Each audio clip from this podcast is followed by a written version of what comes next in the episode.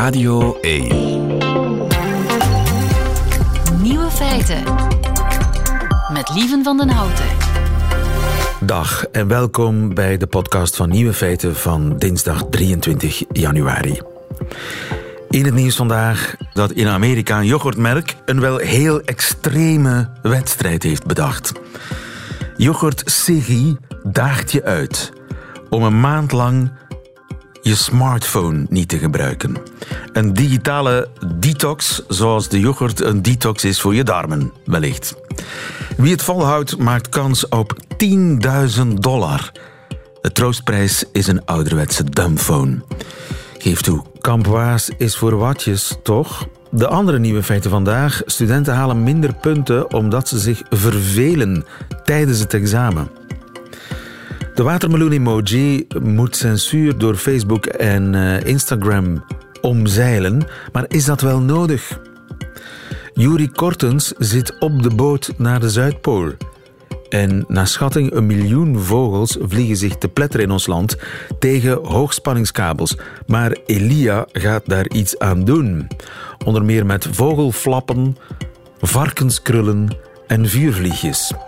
En de nieuwe feiten van Grof Geschut die hoort u in hun middagjournaal. Veel plezier. Radio 1. Nieuwe feiten.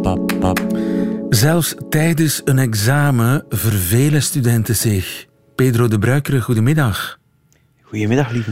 Pedagoog van eh, het kenniscentrum Leerpunt. Ja, ik moet zeggen, ik verveelde mij destijds in de klas. Zat ik naar buiten te kijken altijd. Of tijdens een blok kon ik mij wel eens vervelen. Maar toch niet tijdens een examen? Ja, er zijn twee situaties wanneer ze gemerkt hebben dat studenten zich vervelen. Als het te makkelijk is, of als het te moeilijk is. Als het te makkelijk is, ja, dan zit je daar bezig van oh, waarom zit ik dat hier te doen? En ja, ik moet hier toch een tijdje blijven. En dan kan je je gedachten wegdromen.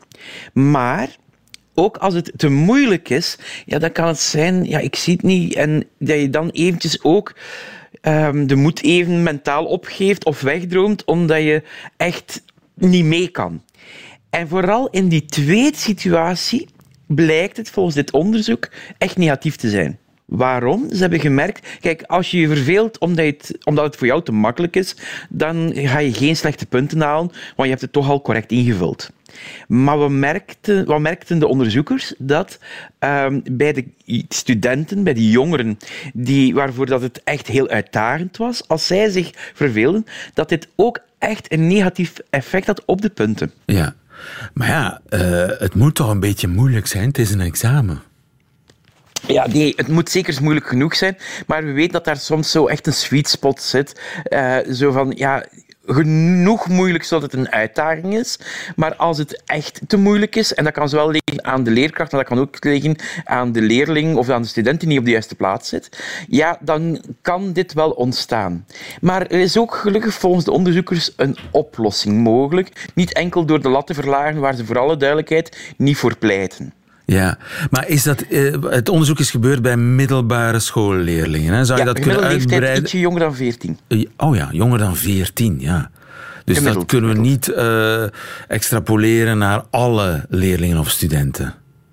Nee, daar moet je altijd voorzichtig mee zijn. Maar de onderzoekers... Het is het eerste onderzoek echt van die, van, rond dit onderwerp, zeggen ze. En ik meen hen te geloven in dit. Um, maar ze raden wel aan om dit uh, verder uit te breiden, ook naar oudere groepen. En de redenering die ze gebruiken om dit vast te stellen, die is niet zo onlogisch en komen wel op andere plekken terug. Namelijk, we weten dat uh, verveling, uh, het minder gebruiken van je mentale ruimte die je hebt om met je taak bezig te zijn, ja, dat dat een negatief effect heeft. En het is niet onlogisch dat dit gebeurt op momenten ook bijvoorbeeld in de klas tijdens een examen. Ik moet eerlijk zeggen, toen ik het onderzoek voor de eerste keer las, dacht ik van, kom aan. Maar hoe meer ik mij erin verdiepte, dacht ik van, ja, maar wacht even, dat is niet zo onlogisch. Dus ik kan mij wel best inbeelden dat dit ook op andere momenten gebeurt. Dus als, als ik het kennelijk zodanig moeilijk vind. Ik begin er niet aan. Dan zit ik met mijn vingers te draaien. Dan zit ik op de klok te kijken. Zo, dat, dat is het. Maar ja, en je, je kan dat dan oplossen zonder het examen makkelijker te maken. Ja, want wat heeft men gemerkt? Dat er nog een andere factor is die er kan voor zorgen dat uh, de leerlingen of de studenten zich meer vervelen. En dat is als ze niet zichzelf herkennen of de relevantie van wat ze mee, waar ze mee bezig zijn niet herkennen. En dat zit volledig in dan de motivatietheorie. Als daar een student zit en die denkt van ja, ik heb dat toch voor de rest van mijn leven nooit meer nodig. Ja, dan ga je ook alweer minder gemotiveerd zijn om je daarvoor in te zetten. En dan kan die verveling sneller toeslaan. En ze hebben gemerkt, als studenten het meer kunnen relateren aan waar ze mee bezig zijn of wat ze belangrijk vinden, dat de kans op verveling of ja, met die verveling kunnen omgaan, dat, dat, uh, dat ze dan beter gaan daarmee omgaan. Ja, je moet hen de uh, relevantie van het onderwerp en van het vak uh, bijbrengen. Je moet ze enthousiast maken eigenlijk voor wiskunde, geschiedenis, Ja, en nu, nu denken alle leerkrachten die dit horen van vertel ons iets, iets nieuws. Nee, dat klopt. Maar we weten dit al langer, maar dit geldt dus blijkbaar ook voor net dat examenmoment. Ja. En is dat iets van alle tijden, denk je, of is dat iets van deze tijd, die snelle ververing tijdens examens?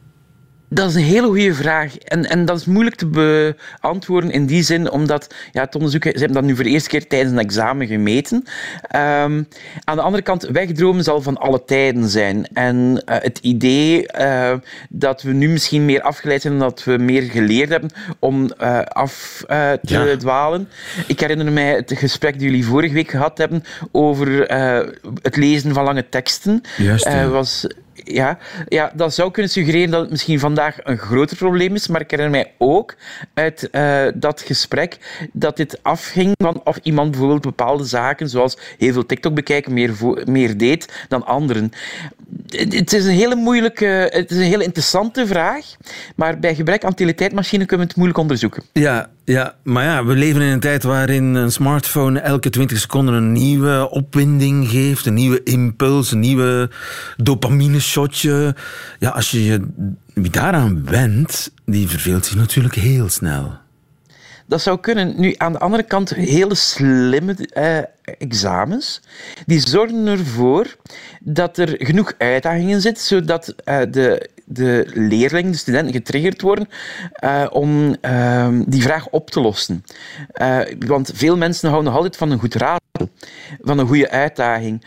Als het dan echt overkomt van dit is gewoon of ik heb het niet nodig, niet gerelateerd aan wat ik belangrijk vind, of uh, dit gaat mij nooit lukken, ja, dan installeer je verveling en zal je, en dat is het ergste, zal je het als resultaat hebben dat je in feite een verkeerd beeld krijgt van je studenten.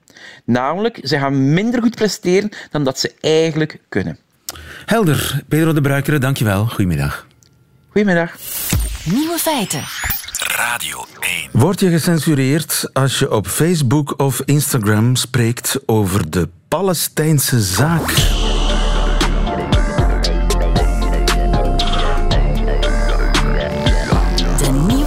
Feitenchecker. Rien Emery, goedemiddag. Goedemiddag. Ik stel die vraag omdat Michael Freilich, het Kamerlid voor de N-VA, onlangs uh, twitterde het zinnetje I eat watermelon for breakfast. Ja. Ik eet watermeloen als ontbijt.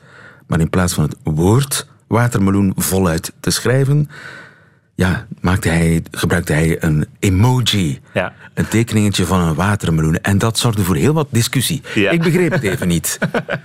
Wel, um, een, een watermeloen-emoji wordt nu um, ja, al niet alleen maanden in het conflict Israël-Gaza, maar eigenlijk al jaren gebruikt door pro-Palestijnse mensen om um, te verwijzen naar de Palestijnse zaak, naar Palestina, eigenlijk als een uh, vervanging van de Palestijnse vlag. Waarom? De Palestijnse vlag bestaat uit um, een rood vlakje, een groen vlakje, zwart en wit. En dat zijn allemaal kleuren die ook terugkomen in een watermeloen en ook in de watermeloen-emoji. Waarom dus, doen ze dat? Wel, um, ten eerste natuurlijk, dat is niet, niet, niet, niet nieuws. Hè. Die, die watermeloenen als uh, erzats voor Palestina zijn al decennia oud. Men gebruikt die al um, omdat in het verleden de Palestijnse vlag verboden was in Israël. En als je toen je steun wou uitspreken voor Israël, kon je dat omzeilen door een watermeloen afbeelding te gebruiken. Okay. Um, nu gebeurt men het ook om regels te omzeilen. Waarom? Men denkt, of er is een vermoeden, er is een grote aantal mensen die dat claimt, dat als je de Palestijnse vlag gebruikt, of pro-Palestijnse slogans, of zelfs pro-Palestijnse content op sociale media, en specifieker op Instagram en Facebook, dat je dan gecensureerd wordt. Dat je posts verwijderd worden, dat ze minder likes krijgen, dat je profiel geshadowband wordt, waarbij je minder zichtbaar wordt voor anderen. Veel mensen denken dat. Veel mensen denken dat. Ehm, Klopt dat ook? Ja, dat is een, een moeilijke kwestie. Ja, Ehm, neem ik aan. Maar ja, daar, zijn we, daar ben je voor. Daar word je voor Ja, inderdaad, inderdaad. Al in oktober 2013, 2023 sorry, was er dus een, ehm, ja, een, een groot aantal mensen die zeiden van ja, als ik pro-Palestijnse dingen probeer te delen op mijn Instagram, niemand ziet mijn stories die ik deel. Men kan dat opvolgen. Hè. Maar je kan kijken hoeveel mensen je, je, je verhaal bekeken hebben en zo. Niemand ziet het, je krijgt minder likes dan vroeger. Er is iets aan de hand. Hè. Dit wordt onderdrukt. Onze stemmen, onze pro-Palestijnse boodschappen worden Heel veel mensen getuigden daarover. men getuigde daarover. En toen heeft Human Rights Watch, de mensenrechtenorganisatie, daar ook een rapport over geschreven. Ze zeggen ze hebben duizend, meer dan duizend ehm, getuigenissen verzameld. En hun conclusie is, hier is sprake van systematische censuur door Meta, het moederbedrijf van, van Instagram en Facebook. Zegt Human Rights Watch. Human Rights Watch heeft daar een rapport over geschreven. Meer nog, ze hebben dat eigenlijk twee jaar geleden ook al eens gedaan, toen er toen ook een opflakkering was in het conflict daar. En toen heeft Meta gezegd, kijk, goed, we gaan het laten onafhankelijk eens onderzoeken door een consultancyfirma. Die hebben dat gedaan in 2022. Die hebben gezegd van ja, er gebeuren toch vreemde dingen. En- Onafhankelijke Onafhankelijke consultancyfirma heeft dat gezegd aan Meta in een rapport. Er gebeuren, vreemde dingen toch wel. En eh, een, een, een aantal aanbevelingen ehm, uitgeschreven voor Meta, dus voor Facebook en Instagram. En die zijn ze aan het implementeren. Die En wat waren dan die vreemde dingen? wel, die vreemde dingen, en er zijn er opnieuw dingen opgedoken. Hè. En je vraagt je af hoe dat kan. Hè. Bijvoorbeeld, een tijd lang, als je op Instagram bijvoorbeeld in je profiel een Palestijns vlagje zette. Daarnaast schreef je ehm, Alhamdulillah in het Arabisch. eh, God zij geprezen, specifieke normale Arabische spreuk. Eh, dan vertaalde, als je dat, die bio- biografie liet vertalen door het automatisch vertalingssysteem van Instagram, verscheen er een boodschap over Palestijnse terroristen. Ja, een, een, een paar uur lang was dat zo. Ze hebben het dan gefixt. Ehm, ze zeggen ook van... Er was een bug, zegt Meta. Er was een bug waardoor als mensen filmpjes deelden van anderen, wat zeer vaak gebeurde in het begin van het conflict, om steun van Palestijnen, virale filmpjes, als die gedeeld werden door anderen, ja, dan werd opeens daar een minder, was er een bug en werden die minder gezien. En dat is hun verklaring voor het feit dat, eh, dat, dat die content, dan pro-Palestijnse content, minder gezien werd. Omdat die net op dat moment heel veel gedeeld werd, op het moment dat die bug er was. Ja, dus dat was eigenlijk toeval. Jawel, Meta, Spijtig toeval. Meta ontkent Volgens, dus... volgens Meta. Meta ontkent dus dat er iets aan de hand is, dat er een systematische of bedoelde onderdrukking zou zijn. En ze hebben waarschijnlijk wel een punt. Waarom? Omdat men, men vergeet altijd, als uw post verwijderd wordt op, op Instagram, op, op, op Facebook, heel vaak gebeurt dat niet door een mens. hè. Er zit niemand achter de knoppen daar dat te doen. Eh, Het gebeurt wel in een tweede fase meestal. Als je, als je in beroep gaat, kan er zijn dat er In een eerste instantie zijn het computers computers en pro- computerprogramma's Ja. die uitvoeren. die afgestemd zijn, meestal de laatste tijd met artificiële intelligentie, om bepaalde dingen, woordcombinaties, eh, dingen in je beeld te herkennen. Dus heel vaak zijn bijvoorbeeld mensen die wilden ehm, burgerslachtoffers in Gaza aanklagen en beelden toonden van dode kinderen, dode mensen, zijn die eruit gezwierd door Meta, omdat ze herkend werden als naaktbeelden bijvoorbeeld. Of omdat ze op basis van hun, hun gebruiksvoorwaarden eruit gezwierd werden omdat dat te veel gewelddaad, gewelddadig was of, of te veel gore, eh, te vreselijke beelden waren. Want men vergeet altijd als men een account aanmaakt op Facebook, op Instagram, je moet eerst een ellenlange lijst van voorwaarden ondertekenen. Niemand leest die. Maar daar staan honderden en honderden en honderden regels wat je al- allemaal naakt, niet mag geen doen. geweld, dat soort dingen. Zo, De domste dingen eerst. Hè. Geen filmpjes van puisten uitduwen en zo. De, de- de gekste staat dingen. daarin. Dat staat er allemaal in. Weet je. Ehm, dus, en heel vaak, die, die algoritmes herkennen niet wat er te zien is. Of verwarren, ehm, en dat gebeurt ook heel vaak, verwarren het verheerlijken van een bepaald iets met het afkeuren van een bepaald iets. Je kan dode kinderen op je, op je Instagram posten en zeggen van haha, hoe geweldig. Dat zal Instagram inderdaad verwijderen, want zijn verheerlijking van geweld mag niet volgens Instagram. Maar als je die dode kinderen erop zet en zegt van hoe vreselijk is dit, ja, het algoritme zal niet altijd herkennen dat je daar je afschuw over uitspreekt. Dus eh, de, de censuur, zeg maar, was in de de praktijk wel een feit, maar ze was niet als censuur bedoeld. Dat is de uitleg van Meta en die is geloofwaardig als je kijkt naar het verleden. Want in het verleden zijn al constant dit soort dingen voorgekomen. Uh, waarbij sociale media dingen verwijderd hebben, gewoon omdat hun algoritmes slecht afgesteld zijn. Ik zelf Ja. heb al posts verwijderd gezien, omdat ik iets aan het factchecken was. En men verwarde het met de desinformatie die ik aan het factchecken was. En men zei van, ah, we gaan dat verwijderen. Ja. Snap je? Dus het is gewoon soms domme fouten. Maar dan toch, ja, die, die, die gekke vertalingen en zo. Er zijn verdachte dingen. Men is ermee bezig. Jij daar. houdt een slag om de arm. Je bent niet helemaal overtuigd. Je gaat het nooit 100% zeker kunnen weten, tenzij er plotseling een klokkenluider uit meta stapt en zegt van ja, we hadden, we hadden een bepaald eh, hendeltje dat we moesten aanklikken eh, op een bepaald moment en dan werd alles dat pro-Palestijns was. eh, ge- ge- als dat gebeurt, dan is het zeker, maar je gaat het nooit... Het is meestal een samenloop van omstandigheden. Je gaat het nooit helemaal kunnen bewijzen, ga je het nooit. Ja, grijs is er toch nog altijd tussen zwart en wit, ook voor factcheckers. Dankjewel, Rien en Marie. Goedemiddag. Radio 1. Nieuwe feiten. En ik heb bericht gekregen van Juri Kortens. Inderdaad, de man die ik op dinsdagmiddag altijd naar buiten stuur. Op ontdekkingstocht in de Vlaamse natuur. En Juri schrijft... Beste lieven, ik zit op de boot naar de Zuidpool. Live verbinding zal niet mogelijk zijn, helaas. Maar geen nood, in bijlage mijn verslag. Klik hier. Vriendelijke groet, Juri. Dat zal dat maar doen, zeker?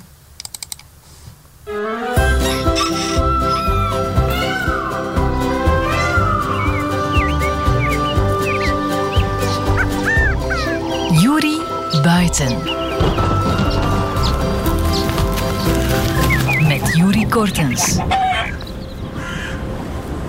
Een hele goede middag, lieven, met eh Juri hier. Het is dinsdag, dus het is tijd voor Juri buiten. Maar ja, ik zit niet thuis. Dus ik kan geen verslag uitbrengen vanuit mijn tuin of het natuurgebied om de hoek. Of vanuit mijn kelder. Maar eh, ik zit op de oceaan. Ergens tussen het zuidelijkste puntje van Zuid-Amerika en Antarctica. Ja, ik weet het, het is heel ver, maar ik, eh, ik had zo'n kans en ik dacht, die moet ik met twee handen grijpen. Dus, eh, en ik dacht, ik laat jullie er ook een beetje van meegenieten. Jou en de luisteraars. Omdat dat toch wel een, eh, ja, een bijzondere belevenis is. Het is een woeststuk zee. Het is de doorgang tussen de Atlantische en de Pacifische Oceaan. En ja, dat is, dat, is, dat is veel wind, dat is veel water, dat zijn hoge golven. Men noemt dat de Drake Passage. Genoemd naar Sir Francis Drake. En dat was in de 18e eeuw een, een piraat. Ja, piraat. Huurling mag je ook wel zeggen, want die werd door het Engelse hof betaald om Spanjaarden aan te vallen. Eh, dat was dan geen officieel leger, maar een soort van Wagner-huurlingenleger. Het Drake-huurlingenleger. En naar hem is dus die zeestraat hier eh, vernoemd. Allee, zeestraat, Oceaanstraat moet je dat bijna noemen. Het is woest, er zijn hoge golven, er is ook eh, veel wind. En dat komt eigenlijk best goed uit, want veel wind, dat wil zeggen dat albatrossen voldoende wind hebben om te kunnen stijgen. Dus hier zitten van die albatrossen met een spanwijdte van 3,5 meter. De reuze albatros en de koningsalbatros die zijn echt gigantisch. En die hebben genoeg wind nodig, genoeg lift om te kunnen eh, opstijgen. En eens dat gelukt is, dan zweven die als, als geen ander. Die gaan langs die golven en die gaan op zoek naar stijgende wind. Nu, stijgende wind associëren we meestal met, eh, met warmte, warme lucht die stijgt. Maar hier breekt dus de gewone wind op die golven. Dat duwt eigenlijk die wind wat omhoog. En dat zijn de plekjes die die, eh, die, die albatrossen gaan zoeken. Dus als ze willen stijgen, dan gaan ze tegen de wind in. Worden ze omhoog geduwd door die breking op de golven. En dan zeilen ze windafwaarts verder supersnel over dat water. En zo kunnen zij, al zigzaggend, want is een soort van zaagtandpatroon moet je zeggen, kunnen zij die oceaan zonder vleugelslag bijna overbruggen. Dat is onwaarschijnlijk. Nu, Een van die heel leuke dingen bij die albatrossen is ook, die hebben opvallende snavels met daar nogal ja, opvallende neusgaten in. En dan denk je, oké, dat is om te ruiken. Maar men dacht eigenlijk dat vogels niet konden ruiken. Dus men is naar andere oplossingen gaan zoeken. En ook gelukkig maar, want die, neusgaten worden onder andere gebruikt om zout uit te scheiden. Ze kunnen geen zoet water drinken, maar ze moeten wel water hebben. Dus ze drinken zoutwater en ze gaan dat ontzilten via klieren in hun kop. En dan die zoute pekel, die wordt dan via de neusgaten naar, eh, naar buiten geperst, naar buiten geduwd. Nu, wat die geur betreft, sinds 1820 was er uh, James Audible, Amerikaans onderzoeker, en die had wat experimenten gedaan met gieren en had dan foutiefelijk besloten, nee, vogels kunnen niet ruiken, want uh, ja, ik heb dat niet kunnen vaststellen. Maar uh, dat is al lang geweest. Niemand wou daaraan tornen, want dat was een, dat was een meester. Niemand wou die effectief in, in gebreken stellen. Tot er in de jaren 90 voorbije na jaren 90 een Amerikaanse vrouw zei: hey, ik wil dat wel bewijzen, want ik ben ervan overtuigd dat vogels dat wel kunnen. En ze had een experiment bedacht dat eigenlijk ja, simpel, maar ook geniaal was. Ze had iets nodig dat ja, niet op vissen leek. En ze had iets nodig dat wel naar vissen rook, zodat ze ja, met die geur albatrossen kon lokken. Ze scheepte in op een expeditie naar het zuidelijke deel, naar, naar Antarctica. En uh, ze had aan de kapitein gezegd, ja, ik heb twee vaten visolie nodig en 300 dozen tampons. En die kapitein die zei, ja, die visolie, mevrouw, daar kan ik voor zorgen, maar die tampons, dat ga je zelf moeten doen hoor. Dus dan deed ze dat maar, allemaal zelf aan boord gesleept. En zij dempte de tampons in de visolie en hing die ja, in slierten aan dat schip. En dus binnen de kortste keren kwamen al die albatrossen daar naartoe, kwamen die daarbij hangen. Ze had bewezen, puur op basis van geur, gaan die dieren hun voedsel kunnen vinden.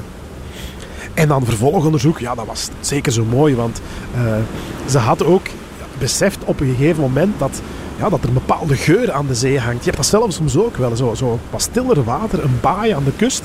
Het kan zijn dat je zegt, van, dat ruikt hier naar zee. Dat is niet slecht, dat is niet rotte vis of wat dan ook, maar dat is zo ja, dimethylsulfide, zo heet dat. En dat wordt uitgescheiden door kleine algjes. Eencellige algjes, wanneer dat die ja, geplet worden op een of andere manier of worden opgegeten. Nu, uh, die algjes, dat is de basis van de voedselketen. Dus als er uh, worden gegeten door kleine garnaaltjes, door kril en zo, dan gaan die geuren. En dat kril, dat lokt dan weer vissen. En dat is ook wat die aalscholvers graag eten. Zowel kril als vissen. Die garnaaltjes als de vissen. Dus ze ruiken, als het ware, op welke plekken er veel algen zitten. Dat is niet gelijk verdeeld over de oceaan. En gaan dan op die manier op zoek naar hun voedsel. Meer nog, ze gaan eigenlijk ongeveer weten waar er grote algenconcentraties zijn in de oceaan en gaan op die manier zich kunnen oriënteren over die onmetelijke vlakte om uh, met een paar vleugelslagen heel dat Antarctisch continent rond te kunnen zwerven. Tof, hè? Wel, ik vind dat in ieder geval ook. En uh, het wordt hier kouder en kouder. We hebben ook onze eerste ijsberg net gezien. En er is net nog een belangrijke, oh, nog een toffe albatros gespot. Dus ik ga jou nu moeten laten. En uh, als alles goed gaat, dan breng ik volgende week ook gewoon verslag uit. Maar dan gewoon van bovenop het ijs van tussen de pinguïns. Tot volgende week, lieve. Dag. Radio 1. Nieuwe feiten. 1 miljoen zoveel vogels sterven er elk jaar in Nederland omdat ze tegen een hoogspanningskabel aanvliegen. Een miljoen. En nu gaat de netbeheerder daar iets aan doen. Dominique Verbelen, goedemiddag. Hey, hallo, goedemiddag. Dag Dominique, jij eh, werkt voor Natuurpunt. Mhm. En je bent bezig met uh, ja, kabelslachtoffers, zal ik ze maar noemen, in ons land. Hebben we enig idee hoeveel slachtoffers er hier vallen uh, met hoogspanningskabels? -hmm. um, we zijn eigenlijk sinds um, 2010, 2012 een samenwerking aangegaan met Elia. En Elia is de netwerkbeheerder van ons hoogspanningsleidingsnetwerk in België. En beetje bij beetje uh, verwerven we wel kennis. Nu, het zijn maar grove schattingen, net zoals in Nederland. Maar in België zou het aantal enkel en alleen wat watervogels betreft gaan om en bij de 600.000 per jaar. Dat is ook niet niks. Dus als je daar ook nog de zangvogels en de roofvogels en de meeuwen en dergelijke meer bij neemt, dan zal je vlot over het miljoen gaan. Natuurlijk hebben we dat niet effectief geteld of geregistreerd. Het zijn schattingen, het zijn modellen, maar laten we wel, uh, we mogen wel aannemen dat het een, een een probleem is van een uh, zekere grote orde die belangrijk genoeg is om het met z'n allen te proberen uh, grondig aan te pakken. En dat zijn dus vogels die die kabels gewoon niet zien en er tegenaan knallen. Ja. Uh, dus het gaat niet om elektrocutie, uh, maar het gaat gewoon om vogels die op vliegsnelheid 10, 20, 30 km per uur niet echt aandachtig zijn. Vogels kijken vooral uh, schuin naast zich naar beneden van waar is er voedsel, waar zitten er soortgenoten, waar kan ik landen, waar kan ik slapen en zijn niet zozeer gericht op het vooruitkijken zoals mensen dat doen. En eigenlijk zijn vogels door de evolutie heen gewoon dat het luchtruim vrij is. En het is het maar de laatste uh, dat we als mensen daar allerhande obstakels zijn gaan neerpoten. En die vogels die uitgaan van een vrij luchtruim en niet uh, gefocust zijn op de weg vooruit, maar eerder kijken naar de grond, die merken die kabels te laat op, botsen daartegen aan en vallen al dan niet dodelijk verwond op de grond. Ja, in Nederland lees ik in de Nederlandse kranten dan, uh, gaat de netbeheerder aan de slag met vogelflappen, varkenskrullen en vuurvliegjes. Ja, mooi ik heb, hè? Ja, vogelflappen. Ja, um, wat moet je je daarbij voorstellen? Ja. De bedoeling van elk van die drie dingen die je opsomt, is eigenlijk om die draden die daar hangen, om die vanaf grotere afstand sneller zichtbaar te maken voor vogels, zodanig dat ze in hun aanvliegroute nog tijdig kunnen bijsturen. Ofwel Ja. terugkeren, ofwel eronder de hoogspanningslijn, ofwel erover. Nu, uh, Wat is dat een vogelflap? Is dat zo'n een, een, vogelflap? soort, eh, een, een vlagje die eraan hangt? Een Eh, een, een, een, een, goh, je kan het een beetje vergelijken als een, als een eh, A4 papiertje waar je allemaal reepjes eh, in scheurt, maar die zijn dan gemaakt uit eh, stevig plastic en die reepjes die zijn eh, zeer sterk contrasterend, zwart en wit, en die wapperen in de wind. Aha. En varkenskrullen? Varkenskrullen zijn eigenlijk spier, plastic spiralen in verschillende kleuren, eh, vaak nogal wit en rood, die dan aan de draden ook worden gehangen. Heel belangrijk, er zijn verschillende soorten draden. En de gevaarlijkste draden zijn eigenlijk de bovenste. En dat, dat zijn de waakdraden, die zorgen voor de bliksemafleiding. Die zijn de hoogste en die zijn ook de fijnste. Let daar even op als je vanavond naar huis rijdt. Bij de meeste ho uh, hoogspanningsmasten zal je een uh, onderste stel draden zien. Die zijn vaak in meervoud. Dat zijn de geleidingsdraden die de stroom transporteren. Maar die bovenste, dat is de meest dodelijke. Dus daar moeten we vol op inzetten om die meer zichtbaar te maken voor aanvliegende vogels. Ja, eh, met vogelflappen bijvoorbeeld, of varkenskrullen. ja. En ook met die- vuurvliegjes. Wat, wat bedoelen ze met vuurvliegjes? Ja. Dat is eh, Fireflies, dat is een, een, een, een merknaam eigenlijk, maar het is wel een goed gekozen merknaam, omdat die eh, in tegenstelling tot, tot die vogelflappen en die vogel- of varkenskrullen, zullen die vuurvliegjes ook een afterglow, een nalichtend effect vertonen, zodanig dat die door het fluorescerende ook in, de, in het schemerduister en de nacht nog zichtbaar zijn. Want het gaat om een verhaal van niet of niet tijdig die hoogspanningslijnen en dan vooral die waakdraad opmerken. En het niet of niet tijdig opmerken is natuurlijk veel meer aan de orde in slechte weersomstandigheden of tijdens de nacht, wanneer heel veel vogels ook trekken. En dat is de meest dodelijke periode voor uh, overvliegende vogels. Ja, jullie zijn aan het samenwerken met Elia om daar eh, iets aan te doen. Dus betekent dat dat er nu op al die draden die zo moeilijk zichtbaar zijn, dat soort fancy vuurvliegjes en varkenskrullen en vogelflappen eh, te zien zullen zijn binnenkort? Um, Elia beheert in België 5614 kilometer aan bovengrondse hoogspanningslijnen en luchtlijnen. Dat is heel dat is veel. veel. Dat vond Elia ook. En zij zeiden van, goh, die vogels, allemaal goed en wel, maar besef dat wij niet het Schanse netwerk onmiddellijk kunnen uh, gaan, uit, uh, gaan voorzien van die vogelbakens. Kunnen jullie ons niet op basis van een risicoanalyse zeggen waar de gevaarlijkste lijnen liggen? We hebben heel veel datasets bij elkaar gelegd en we zijn tot een risicoatlas gekomen waaruit bleek dat 5,8% of 325 van die 5614 kilometer, dat dat echt de, uh, De gevaarlijkste zijn. lijnen zijn. De hotspots zijn, de zwarte lijnen zoals zwarte wij ze noemen. ja, ja. Ja. En komen die, die, die spulletjes daar dan te hangen? Of, of zijn jullie daarmee bezig? Of is dat nog voor hele verre toekomst? Ja, um, we, ze, ze, zijn daar volop mee bezig. Een heel succesvol project hebben we samen gedaan op de zwarte lijn van Noordschoten, die door het Noordschotenbroek loopt, dicht bij de Blankaart, waar heel veel watervogels zitten, vooral in de winter. Ja, heel veel overwinterende ganzen, IJzervallei, Diksmuiden, die regio een beetje. Um, en daar hebben we tellingen gedaan voor we fireflies aan uh, de kabels hingen en erna.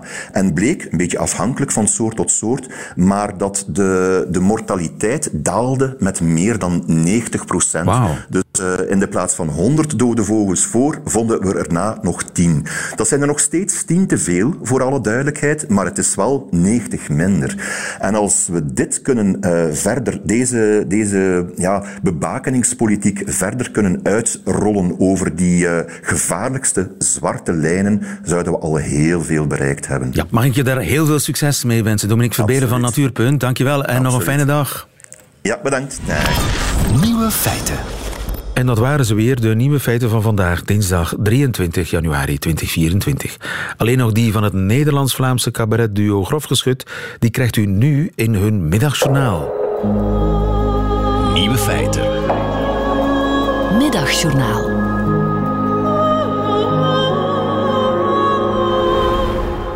Beste luisteraar, er is er eenjarig. Hoera, hoera. Dat kun je niet zien, want dit is radio, maar het Dat is, is Mirte. Maar stel dat jullie Mirte nu wel konden zien, dan zou je haar zien stralen, onze jarige. Ja, ik ben ontsnapt aan de club van 27, want ik ben vandaag 28 jaartjes oud geworden. En je bent ook geen wereldberoemde muzikant met ontzettend veel internationale potentie. Bijzaak. En wat staat er op uw verlanglijstje, Mirte? Wereldvrede. Juist. En een robotstofzuiger. Precies, dat zijn de dingen. En die heb ik vanochtend ook gekregen. Ze is uh, momenteel onze woonkamer aan het stofzuigen. Ja, Mirte heeft van haar Jonathan voor haar verjaardag een stofzuiger gekregen. Echt veel romantischer en stereotype bevestigender wordt het niet, toch?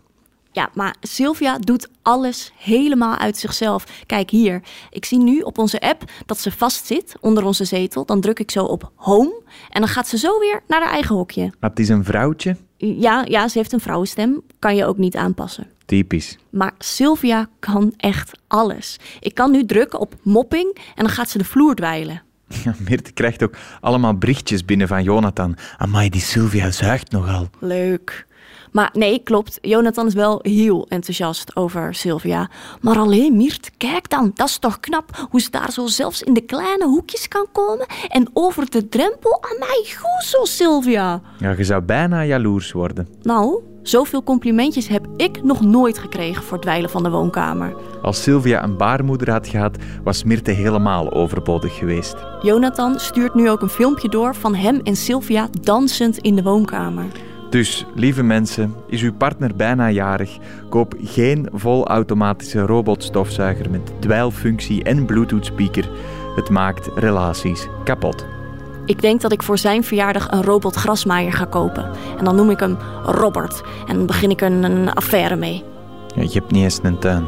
Nee, nee, nee, nee. Je woont op de vierde verdieping en hebt niet eens een lift. Bijzaak. Tot morgen.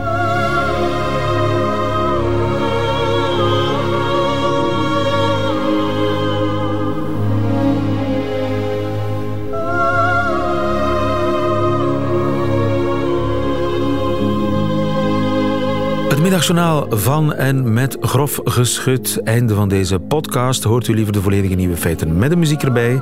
Dat kan natuurlijk elke werkdag tussen 12 en 1 op Radio 1 live of on demand via de app van VRT Max.